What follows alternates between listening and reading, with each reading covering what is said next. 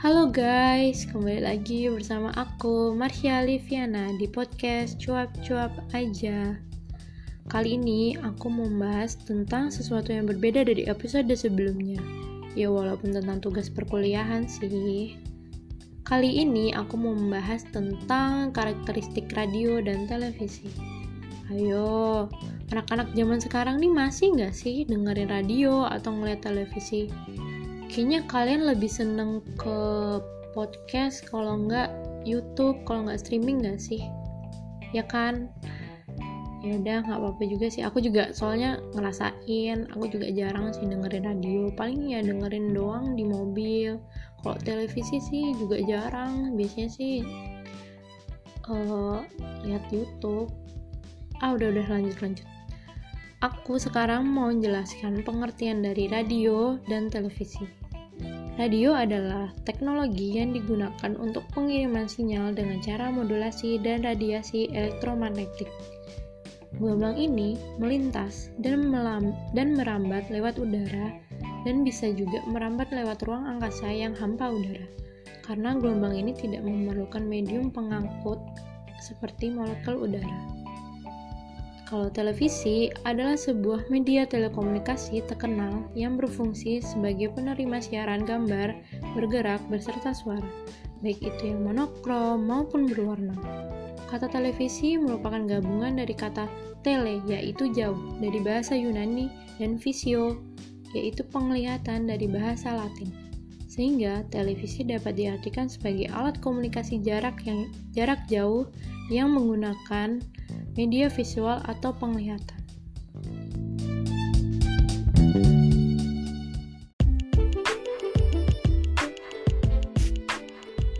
Gimana? Kalian udah ngerti kan sekarang pengertian dari radio dan televisi? Nah, lanjut ke pembahasan selanjutnya ya.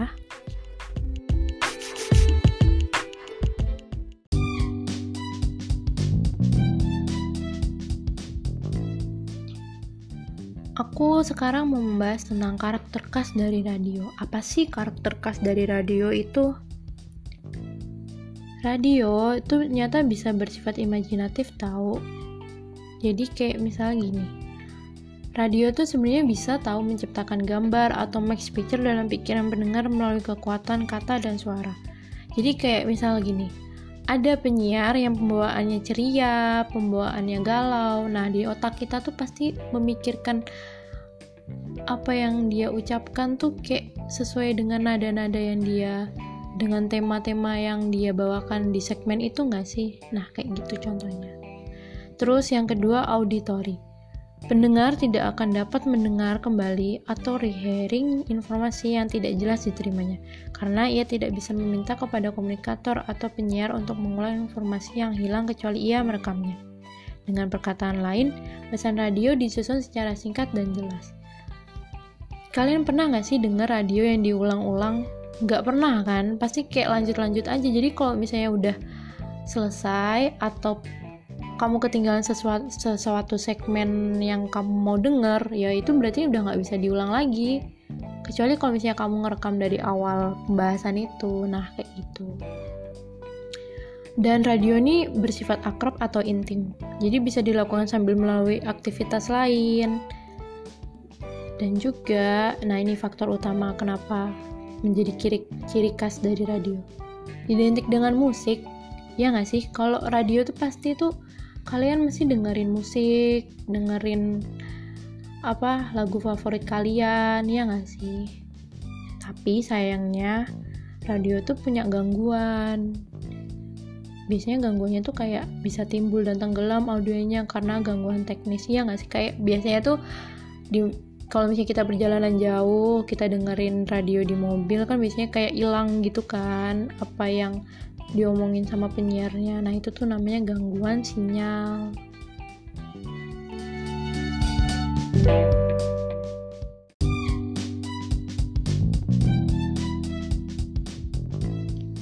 Nah, kalian sekarang udah tahu kan karakter khas dari radio. Sekarang lanjut yuk ke pembahasan yaitu karakter khas dari televisi.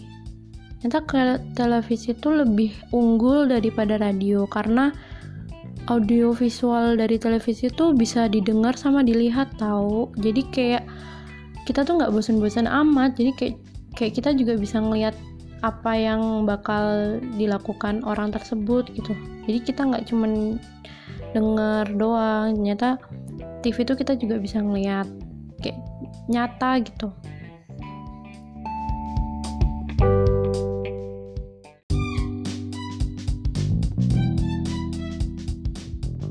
lanjut ya.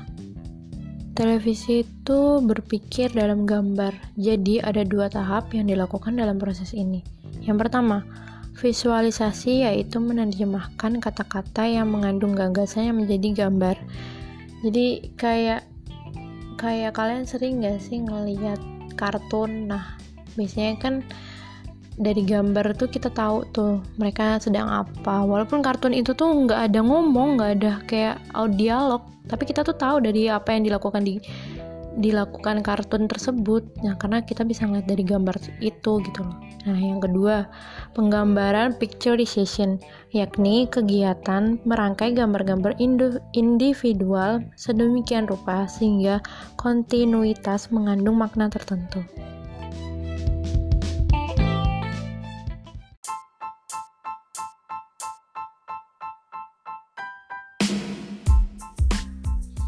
Jadi, gimana guys? Kalian udah ngerti kan pengertian dan karakteristik dari radio dan televisi? Jangan-jangan dari tadi kalian belum paham lagi apa yang aku omongin. Yaudah sih, nggak apa-apa.